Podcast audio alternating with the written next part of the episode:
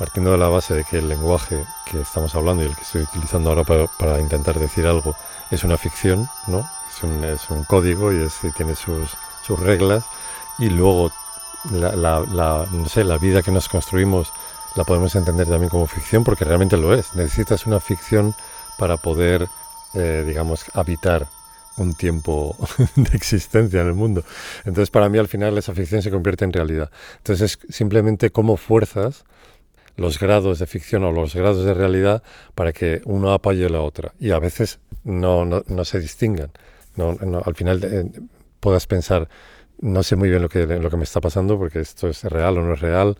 Eh, la ficción yo lo utilizo mucho como marco.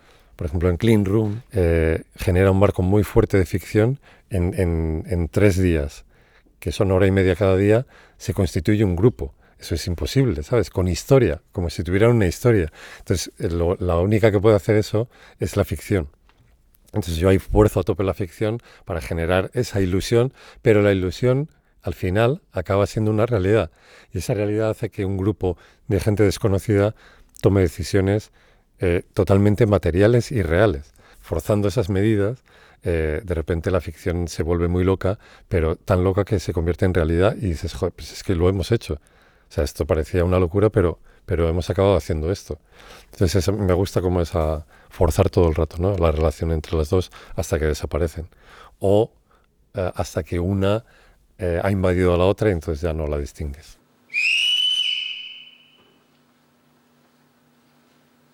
Figura clave de las artes en vivo, Juan Domínguez se define a sí mismo como payaso conceptual, cowboy mágico, modelo poeta y curador del placer.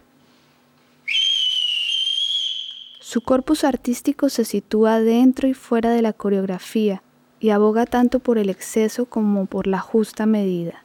Eso sí, sin perder nunca de vista la pregunta que guía su práctica.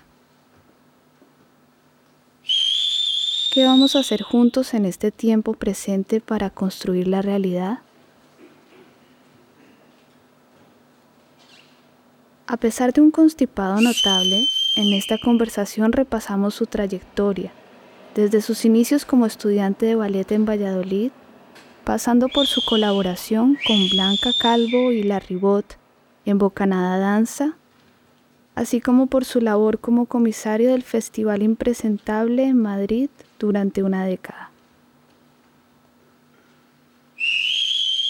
Asimismo abordamos su extensa producción con reflexiones sobre obras tan diversas como Todos los buenos espías tienen mi edad, Blue, las tres temporadas de Clean Room, Entre lo que ya no está y lo que todavía no está, y My Only Memory.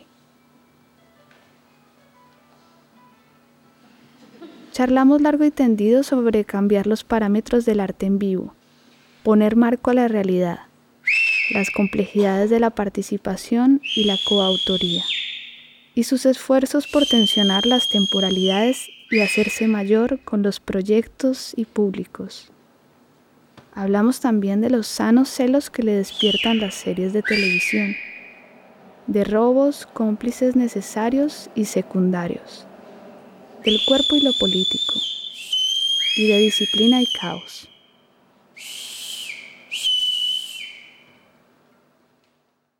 La coreografía para mí es una manera, como una especie de orden, de orden formal, ¿no? Eh, yo vengo de la danza, claro, he sido bailarín y he estado dentro de lo que es la coreografía, que es una perspectiva muy diferente a cómo, cómo eh, juegas y cómo trabajas dentro de la propia obra para, para manejar lo que se está comunicando hacia afuera y luego cuando sales fuera y empieza a dirigir y empieza a organizar todo eso, son dos, dos puntos muy diferentes, ¿no? De atacar el trabajo. Entonces, una vez que sales fuera, para mí cambia absolutamente todo. No solo por la responsabilidad que tienes, que es muy diferente, eh, pero también porque empiezas a entender qué, qué elementos, con qué elementos tienes que jugar para organizar esa formalidad. Y entonces a partir de ahí, para mí la coreografía es puro orden. Eh, es un orden muy específico porque viene de trabajar con el cuerpo y de trabajar en el tiempo real. O sea, por supuesto hay una predimitación eh, de, cómo va a ocurrir eso y hay un trabajo, un proceso, hay un trabajo de estudio, pero en el momento en el que ocurre, la coreografía lo que está produciendo es una experiencia que se organiza en ese momento, ¿no? Y, y, eso para mí es la coreografía a grandes rasgos. Luego es bastante compleja porque cada coreógrafo además tiene su manera de entender la coreografía. Para mí, que me ha alejado un poco de patrones en los que yo había aprendido a hacer coreografía y ahora mm, me invento mis, mis patrones, puedo decir que para mí es, es realmente algo que me ayuda a pensar y a organizar lo que está ocurriendo en la escena normalmente si es teatro o en el espacio donde esté, eh, incluso en este proyecto Clean Room, que, que no propone una coreografía clara, pero para mí es absolutamente coreográfico cómo pienso, cómo se va de un episodio a otro, qué pasa en cada episodio. Cuando utilizo texto, por ejemplo, lo pienso siempre desde una organicidad y un orden que claramente para mí viene de mi, de mi formación coreográfica y no de mi formación de otra que no tengo, ¿sabes?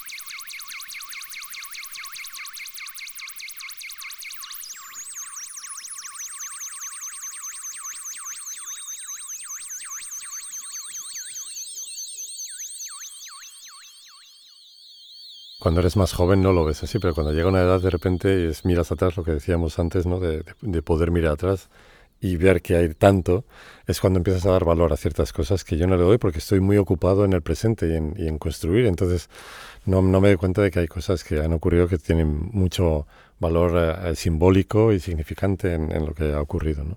Entonces si empezamos desde los inicios, eh, empiezo a bailar a los 19 años. Empiezo a bailar ballet y además de casualidad, porque un amigo mío que no le veo desde hace mucho, pregunto por él, no está haciendo clases de ballet, le llamo, vente para acá, esto es alucinante, voy eh, en el Teatro Calderón de Valladolid, en, el, en la cúpula, profesora rusa y piano en directo, con, con 50 niñas y, y, tres chicos, ¿no? O sea, imagínate, para mí eh, era esa convulsión de los años 80, transición española, educación eh, bastante conservadora, yo era un golfo, un super mal estudiante, muy golfo. Golfo quiero decir fiestero, ¿sabes? Como en la fiesta en los años 80 fue un campo cultural muy importante para poder eh, canalizar ciertas energías que de gente de una generación que no, no estábamos ni en un lado ni en otro. No nos interesaba tampoco políticamente lo que estaba ocurriendo porque tampoco lo entendíamos demasiado. Sí, había como, bueno, pues eh, vías ahí de escape, ¿no? Y muy interesantes lo que ocurría. Para mí ese momento también cambia mi vida absolutamente. No, no cambia la, la, danza, por supuesto que es la danza, pero cambia el que entiendo eh, un cierto tipo de sensibilidad que ni siquiera entendía que estaba en mí. Entonces yo me meto en danza por casualidad, me quedo, mi amigo eh, que estudiaba piano se va y yo me quedo, sin embargo, ya ahí sigo toda mi vida, ¿no? Empiezo mi carrera como artista. Entonces eso es alucinante, claro, estar allí en Valladolid, escaparme de clases de matemáticas que, que me, me, pagaban mis padres particulares y coger ese dinero y pagar las clases de ballet a escondidas, ¿no? Eh, empezar a conocer el entorno gay, que para mí era absolutamente desconocido, 19, 20 años, y en Valladolid era totalmente sumergido, no, no, no, era, no era una cosa abierta, ¿no? Eh, casi, casi era perseguido de alguna manera. Y entonces había un par de cafés, y entonces con mis compañeros bailarines ir a estos cafés, empezar a tener como otro tipo de información de realidades que, existían pero que yo no conocía. Y a partir de ahí también eh, una relación con la danza, con lo femenino, porque en general el ballet, eh, tanto en, en, Madrid como en Valladolid, era, era femenino, eran, eran mujeres las que, las que lo enseñaban, porque yo, en mi escuela era la escuela de Mariemma, es un, un, icono del clásico español en, en, la danza española. Y luego mi profesora era rusa, y luego me voy a, a, Madrid y mi profesora era Carmen Roche, que es una profesora de ballet de, de toda la vida en España, ex mujer de Víctor Ullate. O sea, era un entramado muy, muy femenino y, y, una sensibilidad muy femenina. Y luego estaba todo el, eh, todo el entramado gay, que poco a poco voy entrando y conociendo. Y bueno, pues fue como algo realmente que cambió, cambió sí, totalmente mi vida y, mi foco, ¿no? Bueno, por fin, no cambió mi foco, por fin tuve un foco, porque no lo tenía en absoluto. Entonces me mudo a Madrid, eh, y hago, hago la mili en, el servicio militar en Burgos y hago ballet, clases de ballet eh, a, escondidas, claro, porque en el servicio militar si dices que estás haciendo ballet me hubiesen machacado, ¿no? Entonces, eh, pues a escondidas me voy con mi traje militar, me lo quito y me pongo las mallas de ballet y me pongo ahí con el piano a, hacer mi barra y, y, con el espejo a verme y hago el festival de fin de curso de, de la escuela con la, con la directora de la escuela, ¿no? que invito a un amigo de Valladolid que nos haga una coreografía. En fin, no sé, es todo como bastante como cliché casi de película de Billy Elliot, pero a escondidas además. y entonces ya llego a Madrid y en Madrid ocurre algo muy interesante, porque yo em, había empezado a bailar muy tarde eh, ballet y tampoco iba a tener mucho futuro, ya era un cuerpo bastante constituido, pero eh, de repente gente que estaba yendo a, las clases de Carmen Roche me dicen que va a haber una, una audición en Bocanada Danza, que era una, una compañía de danza contemporánea. ¿no? Entonces me presenté pongo, eh, tomo clases con Carmen Roche, o sea, ese era mi currículum, ¿no? Entonces, eh, en general todos los chicos que bailábamos teníamos trabajo muy rápidamente porque éramos muy pocos. Y ahí estaban la Ribot, Blanca Calvo, y hicieron la audición, eran la, la compañía, estaban también Olga Mesa, Susana Casanave, mucha gente así conocida de, la danza contemporánea de, Madrid. Y entonces, eh, bueno, pues yo bailé, lo que era bailar, bailar, no bailaba muy bien y lo hice mal, supongo que lo hice bastante mal. De hecho, Blanca no quería eh, cogerme en la compañía porque no tiene técnica suficiente y tal. Pero hubo un momento que hubo que improvisar con, Nos dieron un teléfono, a ver, improvisar, como si os están llamando y tal. Y entonces ahí parece que las encandilé y me tiré el rollo con un morro descomunal, me tiré el rollo bestialmente, pero se vio un potencial ahí. Y también es casi por casualidad, porque si eso no hubiera ocurrido o no me hubiese inspirado con ese teléfono, no hubiese entrado en Bocanada y vete a saber dónde estaría ahora en la danza, ¿no? Y entonces ahí, bueno, pues me cogieron la compañía y ya formé parte de todos esos años de Bocanada Danza. Y luego cuando Bocanada se separó y Blanca Calvo y, y La Ribota empezaron con su trabajo individual y ese ha sido un poco, trabajé con Olga Mesa también y con Ana Buitrago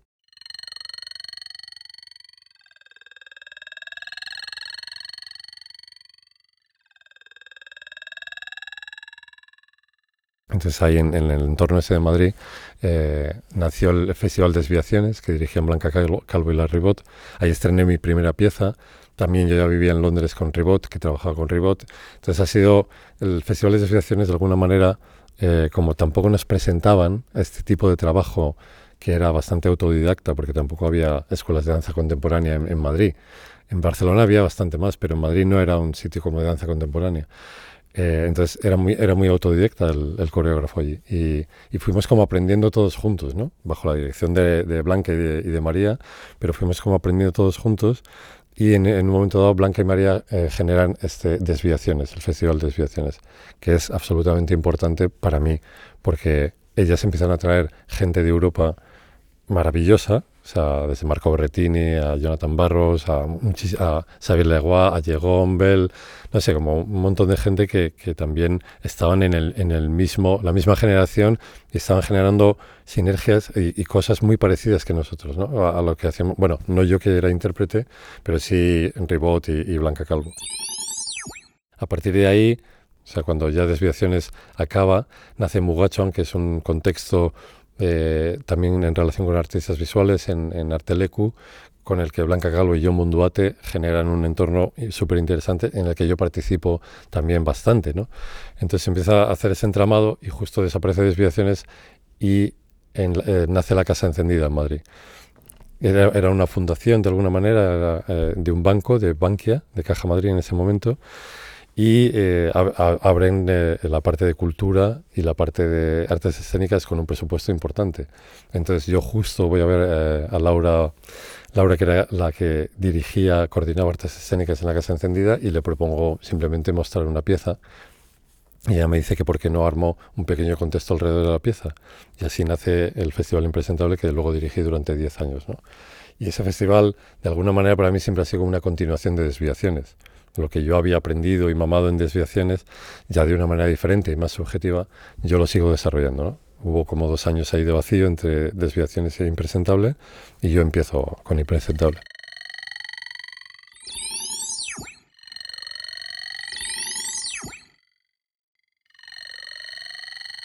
Claro, han sido diez años de, intentar también generar un contexto y de generar relaciones entre lo que es eh, la ciudad de Madrid a nivel arte contemporáneo, sobre todo que venía de la danza o de los coreógrafos, vamos a decirlo así, y cómo eso se desviaba hacia otros campos. Entonces nunca ha habido, digamos, danza, danza en impresentable. También los espacios que teníamos no eran teatros, ni teníamos unas condiciones para presentar danza, danza. O sea, cuando digo danza, danza es eh, cuerpos en movimiento, en una organización coreográfica más, más sofisticada. Entonces también los espacios también me, me, hacían trabajar con pequeño formato y con gente que estaba trabajando de otras maneras, no, no tan, tan, de una manera tan clásica. Eh, también me interesaban a mí ese, ese, otro tipo de procedimientos y maneras. Entonces ahí se empieza a construir un entramado madrileño de artistas jóvenes que se pegan, que empiezo a proponer talleres, la gente viene, empiezo a proponerles cómo generar sus primeras piezas o apoyarles o, o a incentivarles un poco y empezamos como a, generar un grupo, ¿no? un grupo de, artistas que están siempre alrededor de Impresentable. También propongo un colectivo de 10 artistas que yo he ido apoyando durante los años entonces ellos se independizan y dicen, vale, lo vamos a hacer el colectivo, pero no queremos tener nada que ver con impresentable, aunque el vínculo está creado. Y entonces ellos empiezan a generar sus prácticas, yo les sigo también, eh, y luego empiezo a traer artistas que trabajan también con artistas de Madrid, como a proponer proyectos, eh, artistas que vienen de fuera, que, a mí me interesan mucho, que están trabajando también. Mi base es Berlín-Madrid y en Berlín conozco a muchísimos artistas que también invito al festival. Y bueno, se va generando una especie de, de familia inmensa que, que, a través de la empatía y a través de los afectos también eh, se, se, va generando un contexto de trabajo bastante fuerte. ¿no? Y ahora con una mirada hacia atrás, al ver impresentable, te das cuenta de, de lo que ha construido realmente. ¿no? Y que hay muchísimos artistas que no nacen de impresentable, pero que han estado a través de impresentable también, no sé, ha habido un diálogo súper potente. To the first times. to second times, to third times, to six more hours a day, to long breakfasts, to the smell of coffee, to milk and chocolate, to sex before and after breakfast. Bueno, impresentable de alguna manera se termina en el 2012 y Clean Room que es el proyecto, se ve afectado por esta parte de, de organizador que tengo, ¿no? porque esta parte de curaduría de, de los 10 años de Impresentable también marca mucho mi trabajo. Entonces Clean Room se viene, viene afectado por esa relación como curador con el espectador, con, con los artistas. Entonces empiezo a, a, maquinar cómo puedo cambiar, cómo casi puedo mezclar eh, maker and organizer, o sea, la parte organizativa y la parte de, de crear obra, cómo se pueden unir y generar un, un, nuevo proyecto. Y yo creo que Clean Room nace de, de esas dos vías ¿no? mías, de esas prácticas de, de curaduría y de, y, de, y de, creador de obra. ¿no? Clean Room es un, es un proyecto que ya parte de la premisa de, de, de cambiar ciertos parámetros del arte en, vivo, ¿no? o sea, lo que es la performance, lo que es el, la danza o la coreografía, vamos a decir, en, en el teatro. Entonces, eh, preocupado también por la temporalidad y por la relación eh, más o menos intensa que se genera con los espectadores en las obras que había hecho hasta el año 2010-12, eh, empezó a, pensar, ¿no? Y muy celoso además de las series de televisión, no a nivel narrativo, pero sí a nivel de procedimientos. Entonces, claro, la, la temporalidad y la... O sea, había como tres puntos principales. Uno es la relación con el espectador que tienen las series de televisión, que eh, el espectador continúa, digamos, un proceso del que sea, narrativo en las series de televisión. Yo pensaba que en el teatro podría ser de otra manera, no solo narrativo.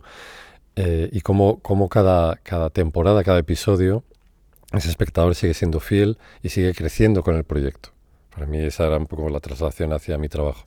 Cómo conseguir que un espectador pudiese crecer con un proyecto que fuéramos un poco más de la mano y que esto durase durante años y que el final de ese proyecto no se premedite, sino que se decida mucho más adelante, al cabo de seis años como ha ocurrido en, en Clean Room, decidimos, bueno, pues esto ha llegado hasta, hasta aquí y este es el final, ¿no?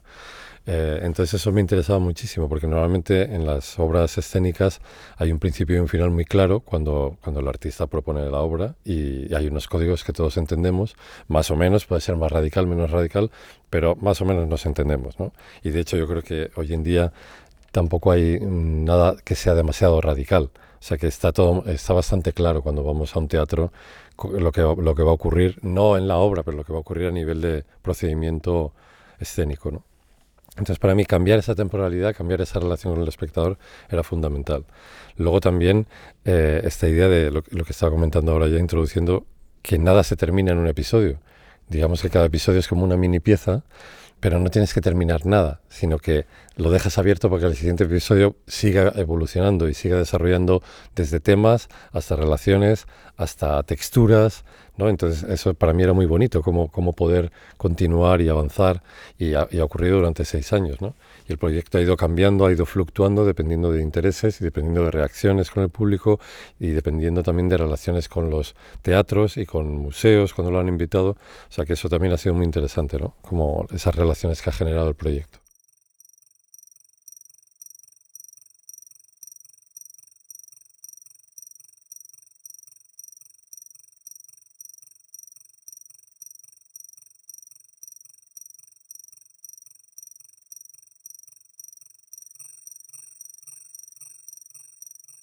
Hay una cosa más anecdótica, pero que me parece fascinante, que es eh, la adicción, la idea de adicción ¿no? que, que, puedes llegar a tener hacia una obra. Entonces, la adicción que se tiene hacia las series de televisión, para mí, yo he estado siempre tan celoso sobre eso que, que eso no ocurra en el arte. Yo quiero que la gente se adicta al proyecto. Entonces, claro, saber que hay gente que empieza a ver una serie de televisión a los 25 años y a los 45 termina de verla, hay series de televisión que han durado 20 años, incluso una alemana sé que ha durado 35 años. Entonces, te has hecho súper mayor viendo esa serie, me parece fascinante, ¿no? O sea, es algo como, joder, yo quiero, yo quiero, me gustaría que eso ocurriese. Y en Hamburgo, por ejemplo, que hemos presentado las tres temporadas, eh, pues hay, hay gente joven, una pareja de novios que ha venido a todas las temporadas y tenían 23 años. Y cuando han visto la última temporada tenían 32. Y, y, hablábamos de todo el proceso, ¿no? de lo que han vivido ellos y cómo eso ha, ha, formado parte de sus vidas. Igual que ellos forman parte de la mía y tal. Bueno, no sé. Hay una cosa ahí también colectiva o sea, cómo crecer juntos sin confundir los roles. Todavía no estoy en esta coautoría absoluta, pero coautoría en que hay espectadores, hay performers, hay eh, director, hay eh, curador, ¿no? Y todos empezamos como a, a formar parte de ese engranaje más amplio.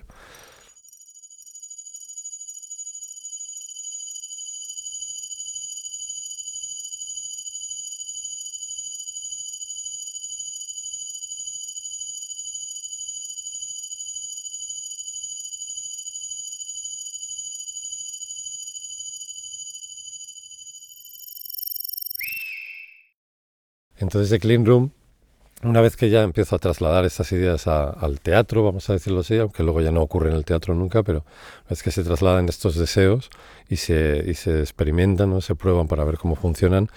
Eh, la primera temporada, por ejemplo, es más, más literal de alguna manera. Eh, me parece que eh, tiene un tono lúdico, porque yo siempre trabajo con lo lúdico y me interesa mucho esa parte como de generar acceso a través de lo lúdico. Y la primera temporada tiene una guía de ese, en ese sentido, ¿no? Todos los episodios tienen algo que a la gente yo creo que le hace disfrutar, que, tiene, que le hace eh, entrar en, en, los intereses que tenemos los temas que proponemos de una manera divertida, ¿no? Y a partir de ahí pues empieza a generar como esa idea de, de que el espectador proponga el material. Hay muchísimas preguntas en la primera temporada, de todo tipo, ¿no? Pero poco a poco el espectador se, va dando cuenta que, él es el que está tra trabajando con placer, pero está trabajando, está proponiendo, está respondiendo, está eh, eh, imaginando, está cenando con, con otros espectadores y está hablando con ellos. Y eso es la, propia obra. Entonces ahí creo que esa concienciación del espectador es lo que la primera temporada va generando. La idea de grupo eh, y el deseo de continuar como grupo creo que es lo que trabaja finalmente esa primera temporada. ¿no? O sea que a, a, través de diferentes dispositivos que vamos generando, que son bastante convencionales, porque es mirarte enfrente el uno al otro y a partir de ahí escuchar unas preguntas y contestarlas mentalmente o no.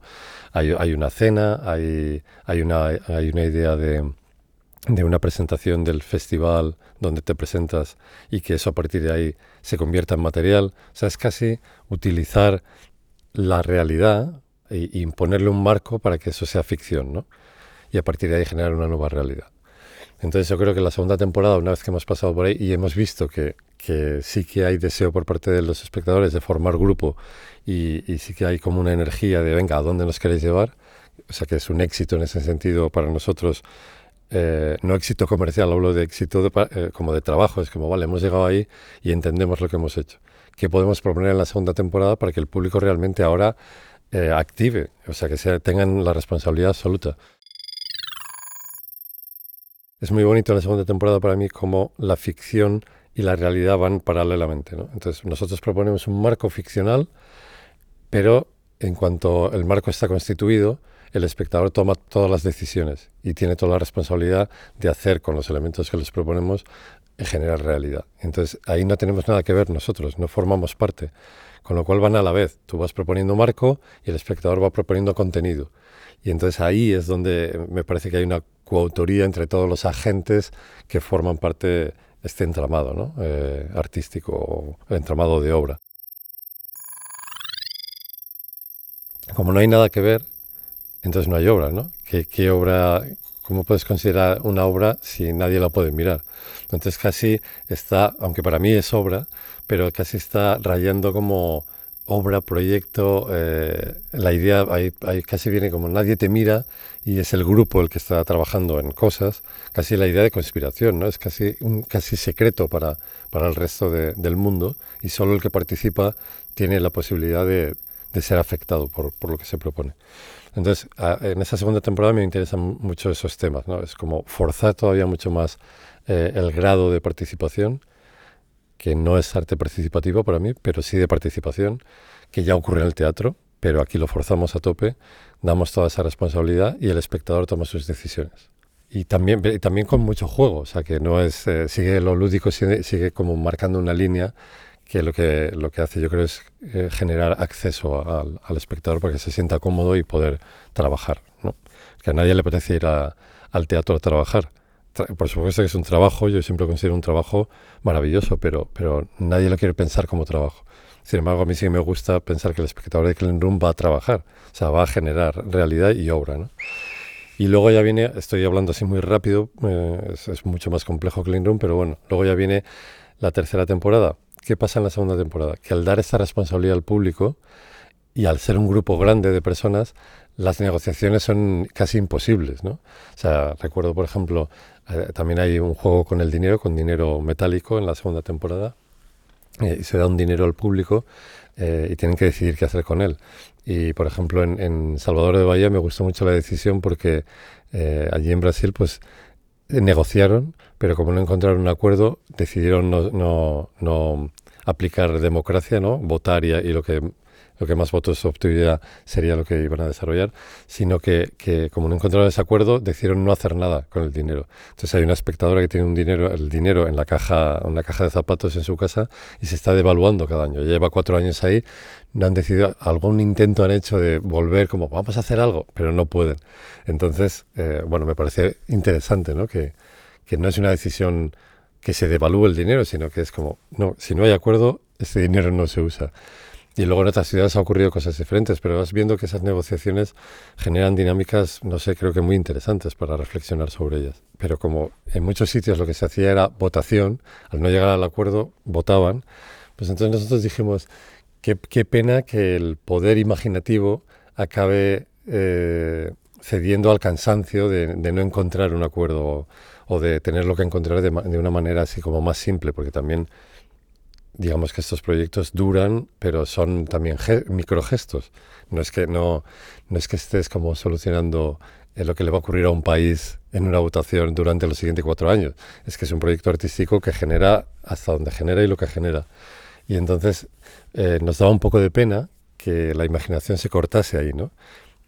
Y a partir de ahí en la tercera temporada lo que pensamos es construir el grupo lo más rápido posible a través de la ficción, pero que el grupo no, no, no dependiese de negociaciones internas, sino que la implicación que tuviesen con el proyecto eh, fuese individual, sabiendo que forman parte de un colectivo. Entonces aquí siempre hablo de la idea del robo, ¿no? O sea, eh, en un robo, por ejemplo, si yo planeo el robo y hay otra persona que necesito que haga el casting de los ladrones más eh, profesionales porque el robo de este banco necesita de unos de una serie muy específica de, de, gente. Esta persona es necesaria para mí el que hace el casting no luego este coge al mejor eh, conductor o conductora que nos saca de la rambla en cinco minutos y nos pone en la autopista. Y esa persona es necesaria no puede ser cualquier conductor mi hermano no puede sacarnos de ahí en cinco minutos. Entonces se busca a esa persona. Luego, el que va a reventar la caja fuerte, hay tres en el mundo. Entonces solo pueden ser esos tres. Entonces ves que cada vez la gente que se implica en todo esto son necesarios. No es gente que no puede ser cualquier persona. Entonces hablamos ahí del cómplice necesario y el cómplice secundario. El cómplice secundario sería necesitamos que, una puerta esté abierta. Entonces, un, un bedel o una señora que trabaja en el banco le pagas y te la deja abierta. Pero puede ser esa señora, ese señor o cualquier otro. No es necesario, es secundario. Se va a la cárcel, si nos piden, se va a la cárcel un año, mientras que nosotros nos vamos diez años. Pero luego, eso es lo interesante, y ahí es lo que intentábamos entender en esta tercera temporada, los cómplices necesarios nos iríamos a la cárcel al mismo tiempo. No yo que he planeado todo el robo, me iría 20 años y el que ha conducido se va a 10. No, no, nos vamos todos 10. ¿Por qué? Porque todos somos necesarios. Sin uno de ellos no podemos ejecutar el golpe. Entonces ahí a nivel de con los espectadores eso me gustaba mucho ese paralelismo. Es como, sin vosotros es imposible, sin mí también, pero yo no tengo más responsabilidad que vosotros. Entonces se lanza como esta especie de, de proyecto en el que todo depende de todos pero no de, una negociación interna entre nosotros, sino de, de alguna manera casi a nivel poético y utópico de la colaboración de cada uno. Y de ahí depende un poco lo que va a ocurrir. Siempre ocurre algo, no es que el proyecto si no eh, participan todos o si no se va a caer, siempre ocurre algo, pero depende de cómo cada uno se comprometa, ocurren unas cosas u otras. ¿no?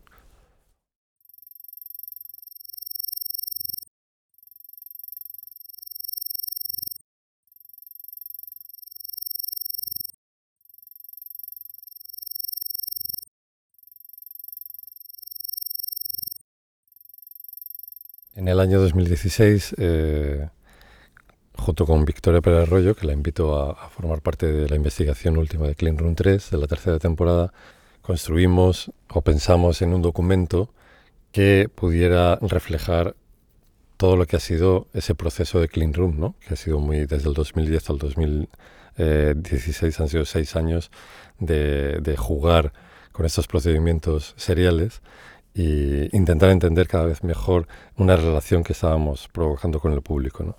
Entonces nace este libro que es Dirty Room, o sea, Clean Room sería la serie, Dirty Room sería como el negativo de la serie, donde lo que nos interesa es reflejar todo lo que no aparece en Clean Room. Digamos que Clean Room ya tiene como un marco muy claro y, y tiene unas, unas intenciones y unos deseos muy claros, pero también hay cosas que se van quedando en el camino y hay reflexiones que hacer sobre todo el proyecto. Lo que nos interesaba casi era como una cuarta temporada, era como darle espacio a todo lo que no había podido tener espacio en las temporadas. And uh, what about your syntax? Where are you written? Who wrote you?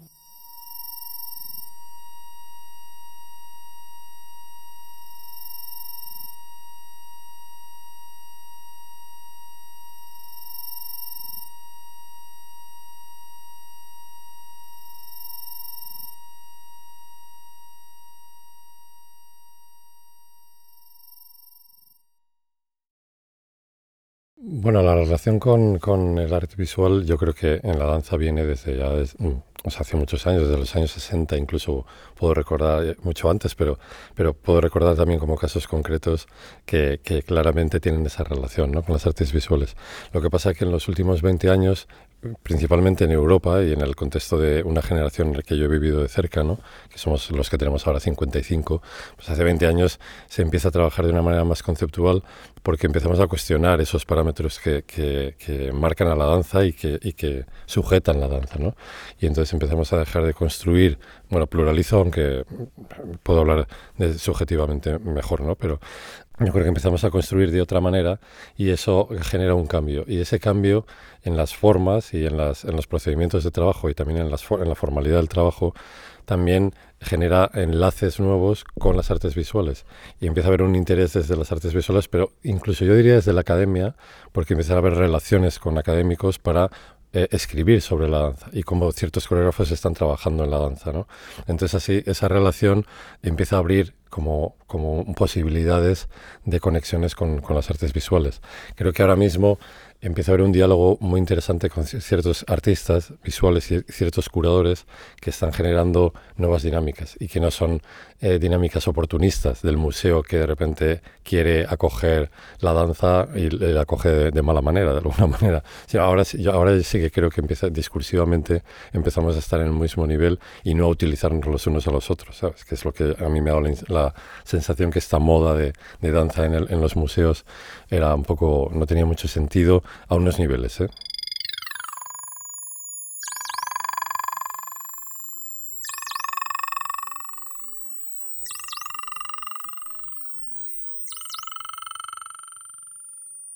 Es que para mí la, palabra política es muy problemática dentro de mi trabajo, porque partiendo de la base de que eh, en cuanto eh, lo que propones eh, genera decisiones por parte del público, ya para mí eso es político, pero digamos que es una base, está intrínseco en el trabajo, en el arte en general, yo creo. Pero a partir de ahí, si me obsesiono mucho con eh, esa palabra, con buscar efectos políticos dentro del trabajo, me parece inocuo lo que hago. ¿sabes? No, no, no veo que tenga una proyección, entonces casi prefiero pensarlo como a nivel de, deseo y de necesidad, ¿qué, tengo que hacer para generar ciertas inercias y tensiones y, qué provocaciones son las que quiero y, no buscar como una, no, no, sería una utopía, pero como un fin político. ¿no? Sé que anda por ahí y sé que, que, hay gente que lo va a leer desde ese, desde ese punto de vista, pero me genera más libertad no tener como esa, esa, esa vía, ¿no? ese foco político. Entonces, yo, yo soy alguien ético y político y ando todo el rato ahí, ¿no? En esa tensión.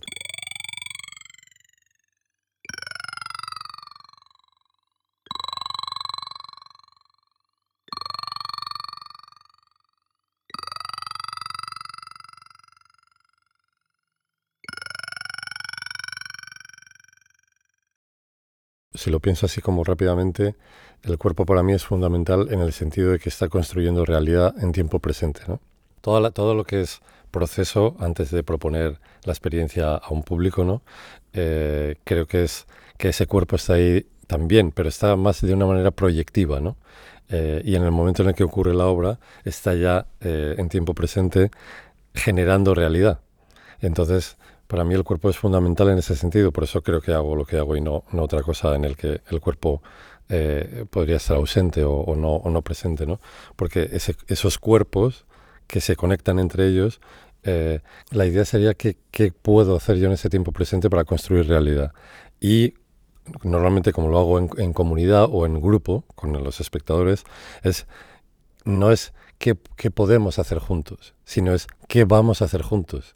¿Sabes? Ahí creo que es el cuerpo el que... O sea, ¿qué podemos hacer juntos es reflexivo? Y es una pregunta que me interesa muchísimo. Pero en el momento de, de, presentar a algunos espectadores, ¿qué vamos a hacer? ¿Qué vamos a hacer? Es, lo vamos a hacer, lo vamos a hacer ahora. Lo vamos a decidir y esos cuerpos están ahí. Entonces es esa presencia todo el rato del cuerpo eh, en ese tiempo presente que, que me interesa y a partir de ahí es, es, muy abierto porque cada obra trabaja con ese cuerpo de diferentes maneras, ¿no?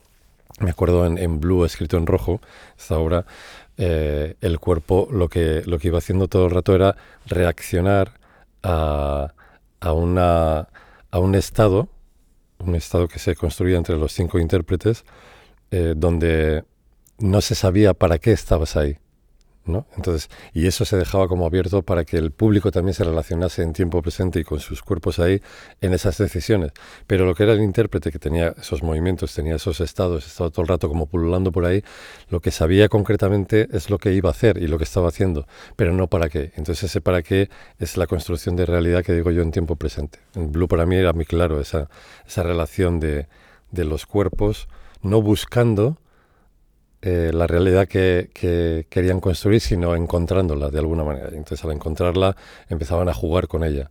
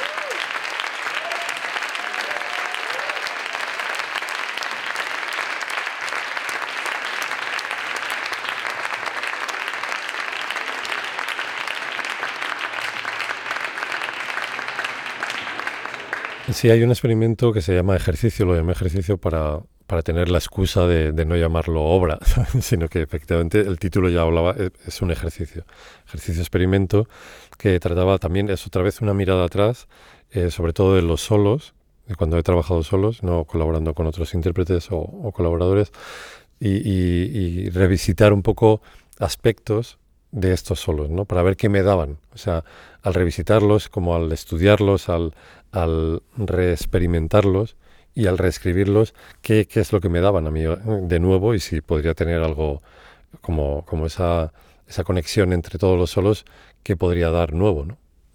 A nivel reflexivo, a nivel... Vuelve a pasar lo mismo. Lo más interesante de lo que propuse en ese experimento es el concepto del tiempo. Entonces de repente me, me apeteció como darle más caña. En vez de dejarlo tan abierto y como tocar tantos palos, eh, irme a un, a un concepto como como siempre lo, he tocado y ha sido, a veces ha sido un recurso, a veces ha sido contenido, a veces ha sido eh, textura, a veces ha sido, o sea, he tratado el tiempo de diferentes maneras, pues ahora hacer un recorrido y un viaje a través de todos esos solos creo que puede ser interesante.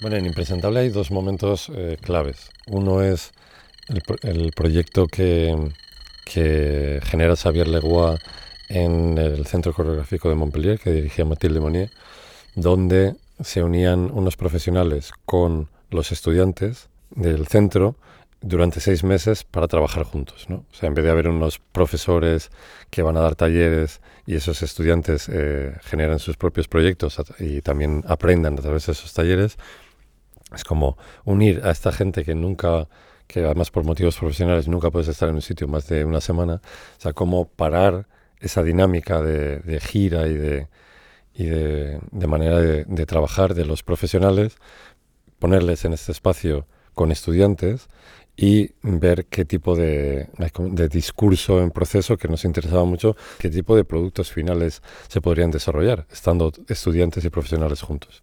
Entonces, los productos que se desarrollaron fueron muy pocos.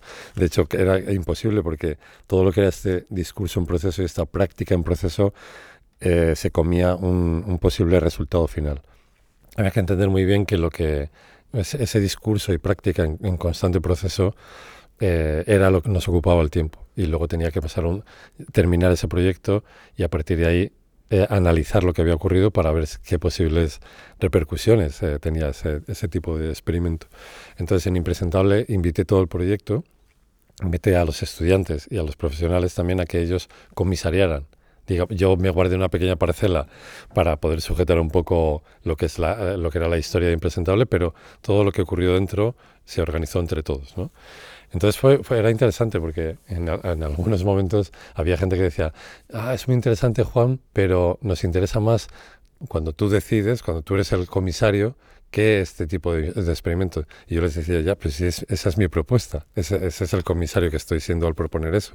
Entonces había ese salto también, como convencional, de, de entender un festival como esa cosa jerárquica, la figura que nos propone algo, a en cuanto eso se democratiza, no sé si se puede decir de alguna manera así, pero se, se genera en colaboración y, produce otro tipo de energías y otro tipo de, de, sí, de dinámicas dentro del propio festival.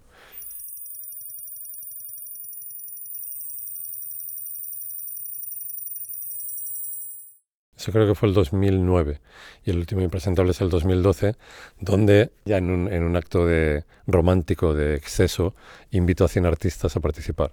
No cobramos ninguno porque todo el dinero se iba en viajes y en hoteles y, comida. Y ahí fue el compromiso de toda la gente de estar 10 días juntos eh, pensando cuando un festival como este se acaba, qué es lo siguiente, qué va a pasar, cómo, qué ha pasado hasta ese momento fue muy intenso, se presentaron 70 proyectos, 70 de los artistas presentaron algo, era, era imposible, era de alguna manera un delirio, una aberración, el, público no sabía nada, pero ¿y este quién es? Pero, ¿Y a qué, Juan, a qué voy? Y tal, digo, no tengo ni idea, ¿sabes? O sea, este, no sé ni, ni lo que va a presentar, ¿sabes? Meteros y ya veremos. O sea, que había un poco de alguna manera como, era como enterrar impresentable de la peor manera, pero sin embargo fue bueno, había una empatía bestial, pero luego se construyeron muchas relaciones entre muchos artistas que siguen colaborando juntos. Y luego, no sé, creo que generó un, espacio, una temporalidad muy pequeña, pero de, de, proyección muy potente, ¿no? Y el público ahí, pues estuvo, hizo lo que pudo. o sea, estaban un poco vendidos, pero hicieron lo que pudieron y también se acoplaron muchísimo, ¿no? al final a esa cosa caótica Caótica en un sentido, ¿eh? porque lo digo así, pero luego la gente, los artistas se organizaron, había actividades desde las 10 de la mañana hasta las 10 de la noche y luego la fiesta. Pero entonces estaba, no sé, estaba todo como muy... Se hicieron películas en 10 días, se hicieron miles de entrevistas, se hicieron seminarios, se hicieron eh, talleres, se presentaron 70 experimentos, obras más terminadas. O sea, fue una locura que ocurrió. O sea, que todo el mundo se organizó para que ocurriese. Fue, fue un final de, de festival bastante épico y, maravilloso, la verdad. El último día terminamos con el proyecto de Hannah Hurts, eh, Black Market, que consiste en, tener una serie de expertos de la ciudad donde ocurre el proyecto y con un tema concreto. Eh, los invitados eran gente que en relación a un tema tenían un alto grado de conocimiento sobre algo, sobre un tema eh, o sobre, sobre una práctica. Entonces en Impresentable lo que hicimos, a Hannah le propuse que, cogiéramos un término un poco abierto, que no fuera muy explícito, pero algo abierto, era la radicalidad, y a partir de ahí empezáramos a reflexionar los que íbamos a participar, o sea, los expertos, digamos, eh, empezamos a reflexionar sobre ese tema y luego propusiéramos algo individualmente a cada espectador en relación a ese tema. Entonces, bueno, me acuerdo anecdóticamente que eh, Estefan, un, amigo, eh, enseñó cómo, cómo reventar una cerradura, ¿no? O sea, de alguna manera él entendió la, la radicalidad eh, en relación a, a poder eh, robar una casa y, y explicar a un espectador cómo abrir una cerradura. Entonces, a partir de ahí, desde eso, cada, cada participante propuso de diferente manera, pues, una manera de relación con ese tema.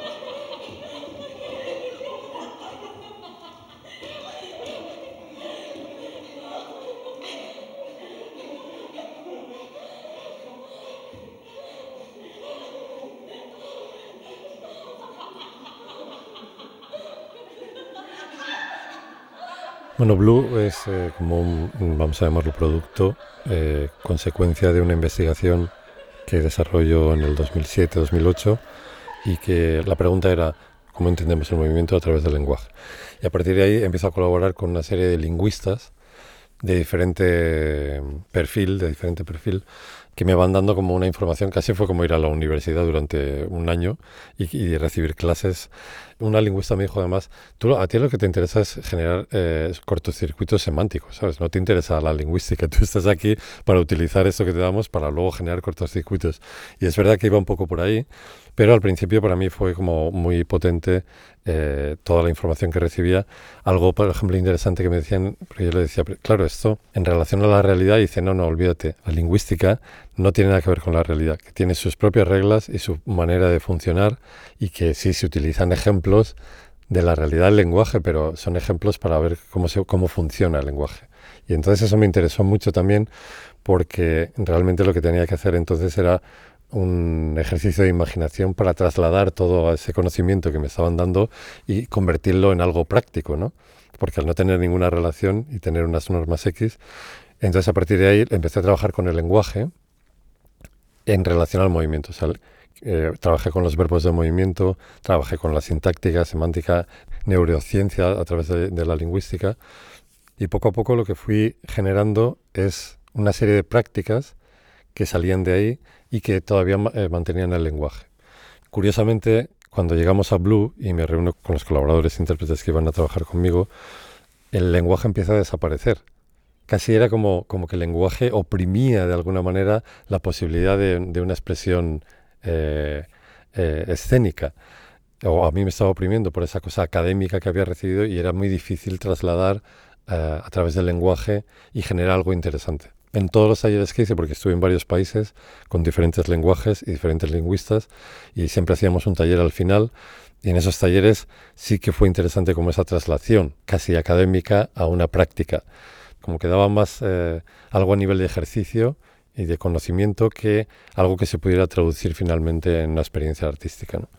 Y entonces poco a poco eh, lo que fue pasando en Blue es que desapareció el lenguaje y el cuerpo tomó más presencia.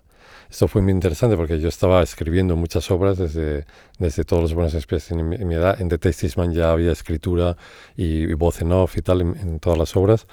Pero, pero aquí de repente empieza a desaparecer y empieza a aparecer el cuerpo mucho más. El estado del cuerpo y cómo ese cuerpo, entendido desde el lenguaje, deja de hablar y empieza a hablar desde sí mismo, ¿no? pero no verbalmente. Lo que empezamos a hacer es como a pervertir ciertas reglas del lenguaje y aplicarlas al cuerpo. Entonces, por ejemplo, hacíamos acciones eh, en plural eh, que, que, no necesitan pluralidad, pero las aplicábamos, por ejemplo, si quiero beber agua, pues entonces había alguien que siempre agarraba la botella y bebíamos agua eh, con dos manos diferentes. Entonces eran como, la gente era muy claro lo que ocurría, alguien que casi era como ayudar a alguien a beber agua. No lo necesitas, pero entonces empezaban a generar como acciones muy extrañas de pervertir unas reglas del lenguaje y aplicarlas al cuerpo, y aplicarlas a, las acciones que, que desarrollábamos. Y luego empezamos a generar una especie de ambiente en el que no se sabía para qué estábamos haciendo eso. Lo único que se sabía y se entendía era que ocurrían esas cosas muy claras, ¿no? Pero muy claras, pues, pero ocurrían, tenían un pequeño twist, un, pequeño pellizco que decías, ¿y por qué, y por qué miran hacia un lado todos juntos de repente? ¿Por qué eh, de repente, eh, sin ningún sentido, se mueven como si hubieran recibido un susto, ¿no? se generan como todas estas acciones que componen al final esa coreografía donde el público, si no empieza a dar imaginativamente un sentido, pues se frustra. ¿no? Había gente que se frustraba, pero en general lo que se, se generaba era un campo semántico al que había que darle sentido.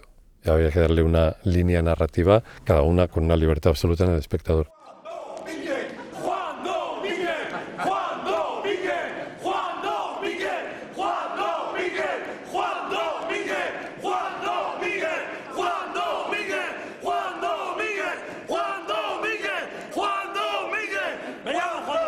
A lo largo del tiempo he ido, transformando un poco ciertas, eh, no sé cómo,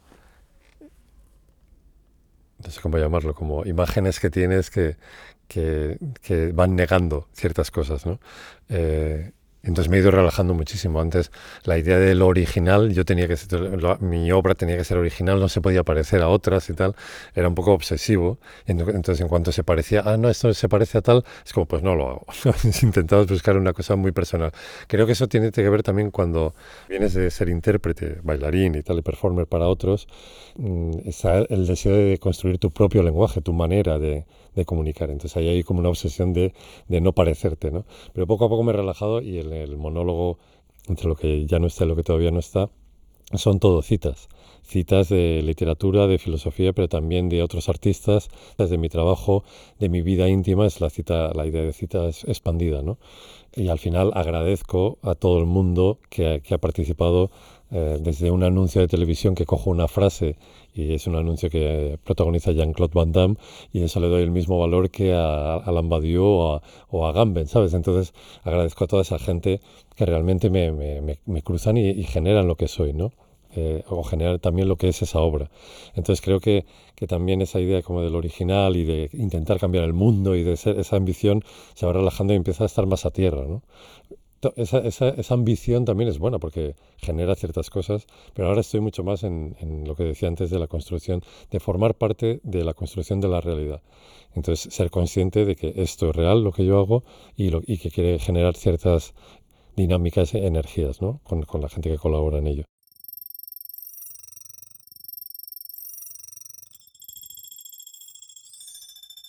Curiosamente, o sea, eh, se termina Clean Room y entonces eh, de repente es como, ¿qué, ¿qué, hago ahora? ¿no? Tengo que volver hacia mí un poco porque, porque lo necesito también, porque he estado todo el rato generando condiciones para que el, el público y el espectador genere, o sea, sea parte del contexto activo. ¿Cómo vuelve otra vez a, a la experiencia a, a, atravesarme, pero y, y que, ay, no sé cómo decirlo, es como que parta de mí y, y, y como yo como filtro eh, sea como un, material para el espectador para trabajar, ¿no? un espectador más clásico que está enfrente de mí viendo lo que yo le, propongo. Entonces ahí, entre lo que ya no está y lo que todavía no está, que es el, solo anterior, es un monólogo de, material muy fragmentado donde el público tiene que eh, construir un poco el puzzle, seguir generando sentido de todo ese material fragmentado. Y me propongo como un monologuista casi de comedia para, que es un formato para mí que me, me, genera como una facilidad para relacionarme con el público. No puedo volver después de Clean Room a hacer algo como representativo. De alguna manera tenía que ir algo como muy directo, muy desnudo y, y, y, y como, no sé, fácil de entender la relación. Luego me di cuenta, yo quería que fuera algo muy sencillo muy fácil y me di cuenta lo que tienes que sujetar a nivel de tensión eh, casi más que si, que si te pones a, a hacer algo más construido, ¿no? Eh, no digo a nivel de escritura, que está muy construido, pero a nivel de, actitud, ¿no? de, relación con el público. Y, te cagas ahí, ¿no? Porque es como, hostia, esto iba a ser sencillo y aquí tengo que estar sujetándolo todo ahí frente a frente, ¿no? Pero bueno, eso ha sido muy interesante porque me puso mucho las pilas también otra vez a nivel performativo. Pero justo después de esa hora hago la siguiente y vuelvo a desaparecer, ¿sabes? Eh, esta idea de que a través de mí y a través de casi del carisma y de las, de las herramientas que tienes para sujetar esa atención, vuelve a poner muchísima responsabilidad en mí. Y no es porque yo no quiera tener responsabilidad, es que me parece que le quito responsabilidad al público a la hora de, de, de yo tomar tanto, tanta presencia. ¿no? Y entonces digo, ¿cómo puedo equilibrar un poco más esto? Y entonces también con esta idea de, de Romeo y Julieta, de esta escena del balcón, cuando, cuando ellos precisamente porque no, su identidad no les deja relacionarse, pero cuando no se ven, el, eh, pueden, pueden generar un discurso mucho más allá de lo que las identidades les permite, me da la idea de oscuridad y que y la gente se relacione con la voz y que la voz y, y la escucha de esa voz eh, genere una nueva, un nuevo campo ¿no? para, para poder desarrollar algo. También Mayolin Memory a mí es una obra que me gusta mucho, no porque el resultado me guste, que me gusta, pero más que nada porque me ha permitido tocar temas contemporáneos que nunca me permito tocar porque, o sea, problemas eh, políticos, eh, reales, sociales, ¿no? Nunca, nunca hago eso, nunca trabajo explícitamente. trabajo es en general mucho más cognitivo que irme a, a, coger un tema muy concreto. Pero aquí, por ejemplo, había preocupaciones que llevan ahí años y que no, no veo cómo proponerlas y entonces las utilizo. ¿Y qué, qué ocurre? Que, que empieza a aparecer como un paisaje contemporáneo o sea, que me permite utilizarlas porque encuentro una manera interesante de proponerlas. Y es, no hay una crítica, aunque por supuesto que la hay, pero hay la idea de paisaje. Y en ese paisaje pueden aparecer esas cosas. Y pueden aparecer de la manera más cruda, ¿no? Sin que yo tenga que dar una opinión sobre ello. Poder proponer una encrucijada casi neoliberal de la que no puedo, no puedo sabes, ese momento de encrucijada que, que puedes, tienes varias eh, posibilidades de, de, accionar y de tomar decisiones, pero no puedes al final y sigues y sigues, ¿no? Entonces, no sé, como es como una liberación de por fin puedo hablar de algo muy, muy concreto, ¿no?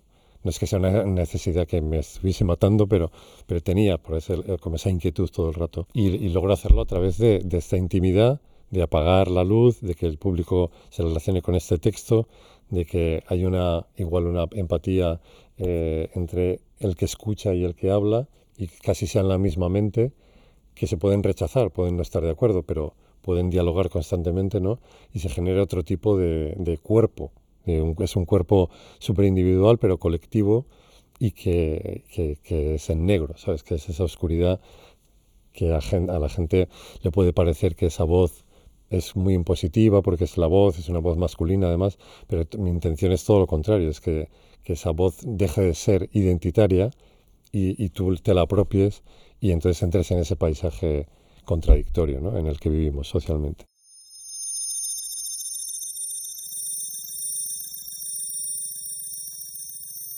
Bueno, en esta obra, en Mayor de mi memoria, también es la primera vez que entran como ciertas, no sé, como se ha construido una partitura que tiene ritmo.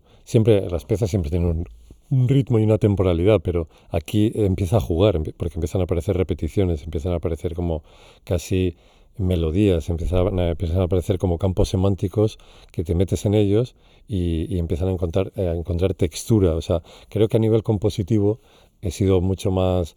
No era, no era la composición que necesitaba la idea, que eso lo he trabajado muchísimo, la idea se desarrolla y finalmente la forma que tiene es la que ha necesitado la idea. Aquí, sin embargo, no ha sido así. Aquí la, la sensación de, de, ir construyendo el texto también venía de, de, la textura, de la musicalidad, de ciertas cosas que, que ya el contenido en un momento dado me daba igual, ¿sabes? Porque lo que me importaba era que estaba generando a nivel como de, no sé, como de materia, ¿no? Entonces casi, casi podría decir que hay un trabajo casi plástico también. Y entonces empezar a jugar ahí, ¿no? Y el texto como acción y la voz como, como cuerpo y todos esos traslados, ¿no? Y luego poéticamente también hay, hay como momentos... Lo interesante también es como tus propios prejuicios como artista, o los que yo tengo, como cierta parte poética que yo sé que tengo, pero no me atrevo a, a admitir, incluso con la parte emocional, ¿sabes? Las emociones, ¿no? Pues de repente es como, me lo voy a permitir, pero ¿cómo logro permitírmelo?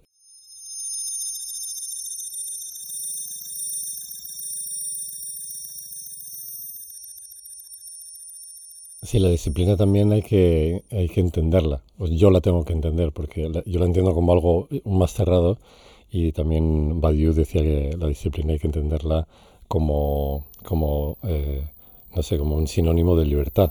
O sea, que la disciplina te puede dar mucha libertad también, ¿no? Entonces hay que entenderla. Y a partir de ahí, yo sí que soy muy disciplinado, pero muy caótico a la vez. Entonces a veces se confunde y por eso puedo llegar a pensar que no soy disciplinado. Pero sí hay una continuidad, una constancia en el trabajo, pero también eh, se puede ligar a, a, la metodología de trabajo, ¿no? Entonces ahí es donde yo muchas veces soy soy muy poco preciso ¿eh? metodológicamente. Entonces cada proceso es nuevo, cada proceso es como si no supiera nada, aunque no es verdad, por supuesto, pero me meto ahí y, y yo creo que sería más eficaz tener una metodología de trabajo, pero no logro, no sé, no es que no me interese, pero no logro al final aplicarla, ¿no? Y entonces me lanzo y, y empiezo como a buscar y, y a encontrar, a tener hallazgos y a partir de ahí se genera una nueva metodología cada vez que empiezo a trabajar en un proyecto nuevo.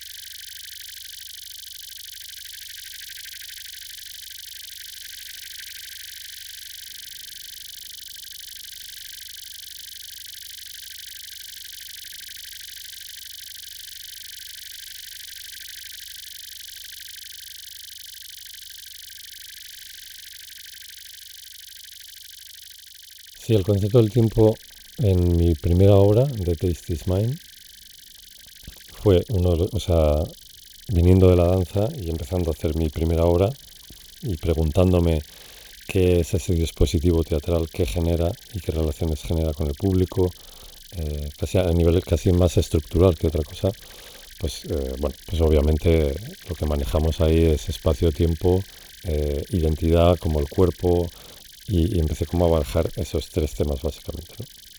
Entonces la primera obra está más equilibrada en ese sentido porque hablo de, de, hablo de una determinada manera del espacio, o sea, no hablo del espacio pero construyo espacio en el teatro.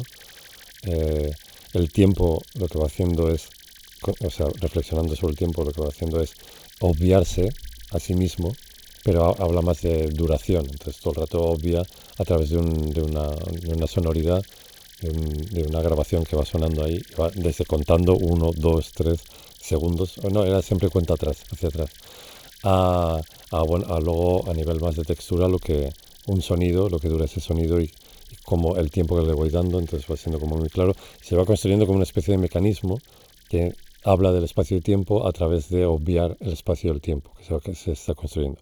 Y luego ya trabajo con, eh, hablando del cuerpo, de la identidad de ese cuerpo que está ahí, que ese cuerpo que no puede obviar su identidad, aunque esté bailando, aunque esté haciendo una serie de acciones, pero finalmente no puede obviar quién es esa persona. ¿no?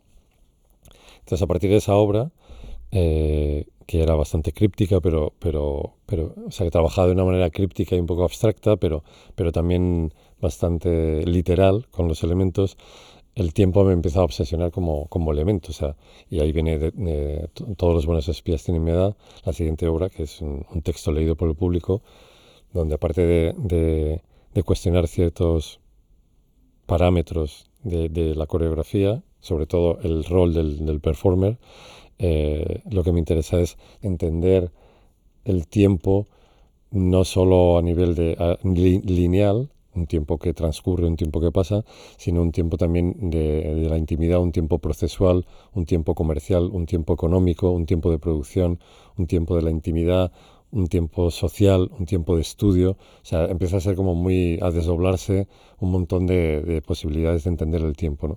Y ahí por eso digo que eh, todos los buenos espías es como un ensayo artístico sobre lo que, el concepto del tiempo.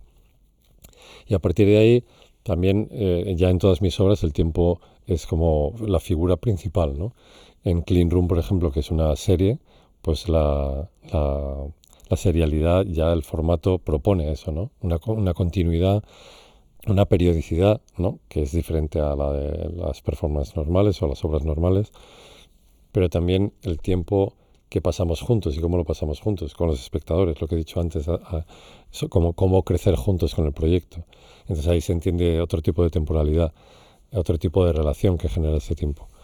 Y luego, eh, no sé, también, eh, por ejemplo, en Mayoli Memory el tiempo me, me interesa mucho eh, cuando se deja de percibir el tiempo.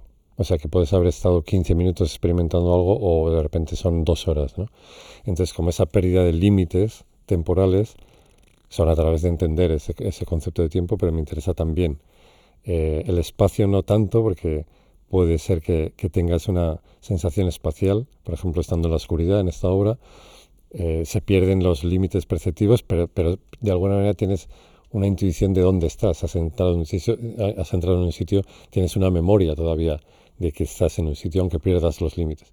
Pero temporalmente, cuando no hay tiempo, ¿qué es lo que ocurre entonces? ¿No? Cuando no puedes medir, ¿qué es lo que ocurre? ¿Y dónde está tu cuerpo y tu experiencia y dónde está tu, tu, tu mente hacia, no sé, creo que me interesa también ese, todo ese juego temporal me interesa en cada obra. ¿no?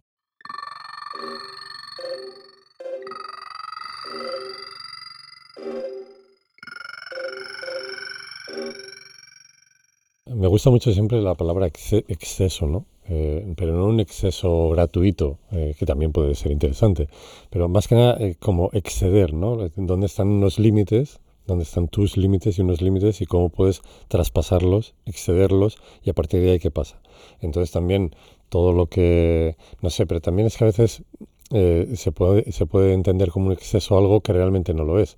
O sea que en la segunda temporada de Clean Room de repente el grupo de espectadores se vea eh, en una foto de, ellos mismos en una valla publicitaria en la ciudad, pues es un exceso, pero realmente eh, cualquiera puede ir y pagar 700 euros y, ya está, y te publicitas en una, en una valla. Sabes que el exceso a veces es cosas que piensas que no puedes hacer y en cuanto las realizas y, son posibles es cuando dices, qué exceso, pero no lo son, son, son realidades realmente creo que nos cortamos mucho en, hacer determinadas cosas simplemente porque creemos que no son posibles. En cuanto alguien las hace, además le, catalogamos como el exceso. Y entonces a mí me gusta generar muchos excesos, pero, mm, porque creo que son posibles. Creo que hay mucho prejuicio que te quitas y de repente pero es, que está chupado. esto es, muy fácil generar este tipo de excesos. Entonces me gusta mucho, pues eso, las medidas, romperlas, pero no, como te digo, no gratuitamente, sino que es que al romperlas, como por ejemplo alargar las experiencias, yo siempre hablo de, temporalmente cuando eh, estiras una situación, ¿no? porque normalmente tenemos una convención incluso con el humor, con la risa. Yo tengo una obra en Blue, hay un momento que se trabaja la risa constantemente, ¿no?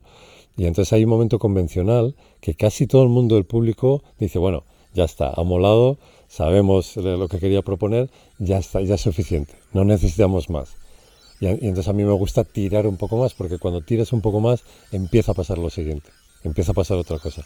Y rompes esa medida en la que eh, la expectación eh, casi la satisfaces a ti mismo, ¿no? Es como, ya lo sé, si ya me lo sé. O sea, porque estés una hora riéndote no me va a cambiar a los 15 minutos que me has dado. Pues no, efectivamente, si estiras, empiezan a pasar otras cosas. Y entonces me gusta mucho esa, o sea, como romper esas medidas, pero para que, para generar nuevas realidades. No digo nuevas en que no, sean, no hayan ocurrido antes, sino nuevas en lo que estás proponiendo, ¿no? Entonces la medida me parece muy interesante porque en relación a la, convención. En relación a, no sé, es que la convención em, yo creo que es muy buena para utilizarla cuando funciona, pero también a veces es un constreñimiento que no te deja, ¿no? te deja como... Entonces ahí, por ejemplo, yo con el humor lo hago muchísimo, trabajo mucho con el humor que rompe muchísimo medidas todo el rato. Y, me arriesgo demasiado. De hecho, a veces me paso y, y me pasé. Entonces tienes que asumir los riesgos que has tomado. Pero me gusta forzarlo, ¿no? Porque si no, no sé, para mí me quedo se queda una cosa que ya que la entendemos todos, ¿no? Entonces, la medida yo creo que siempre... También me gusta mucho la justicia, ¿eh? O sea, cuando algo es justo, o sea, lo que, le, lo que le pido a las cosas es que por lo menos sean justas, entonces, que sea su justa medida, me gusta mucho. Y es como, joder, menos mal, menos mal que, eso está en su justa medida. No pretende y, ¿sabes? Como, pero luego está romper esa justicia para, para bien.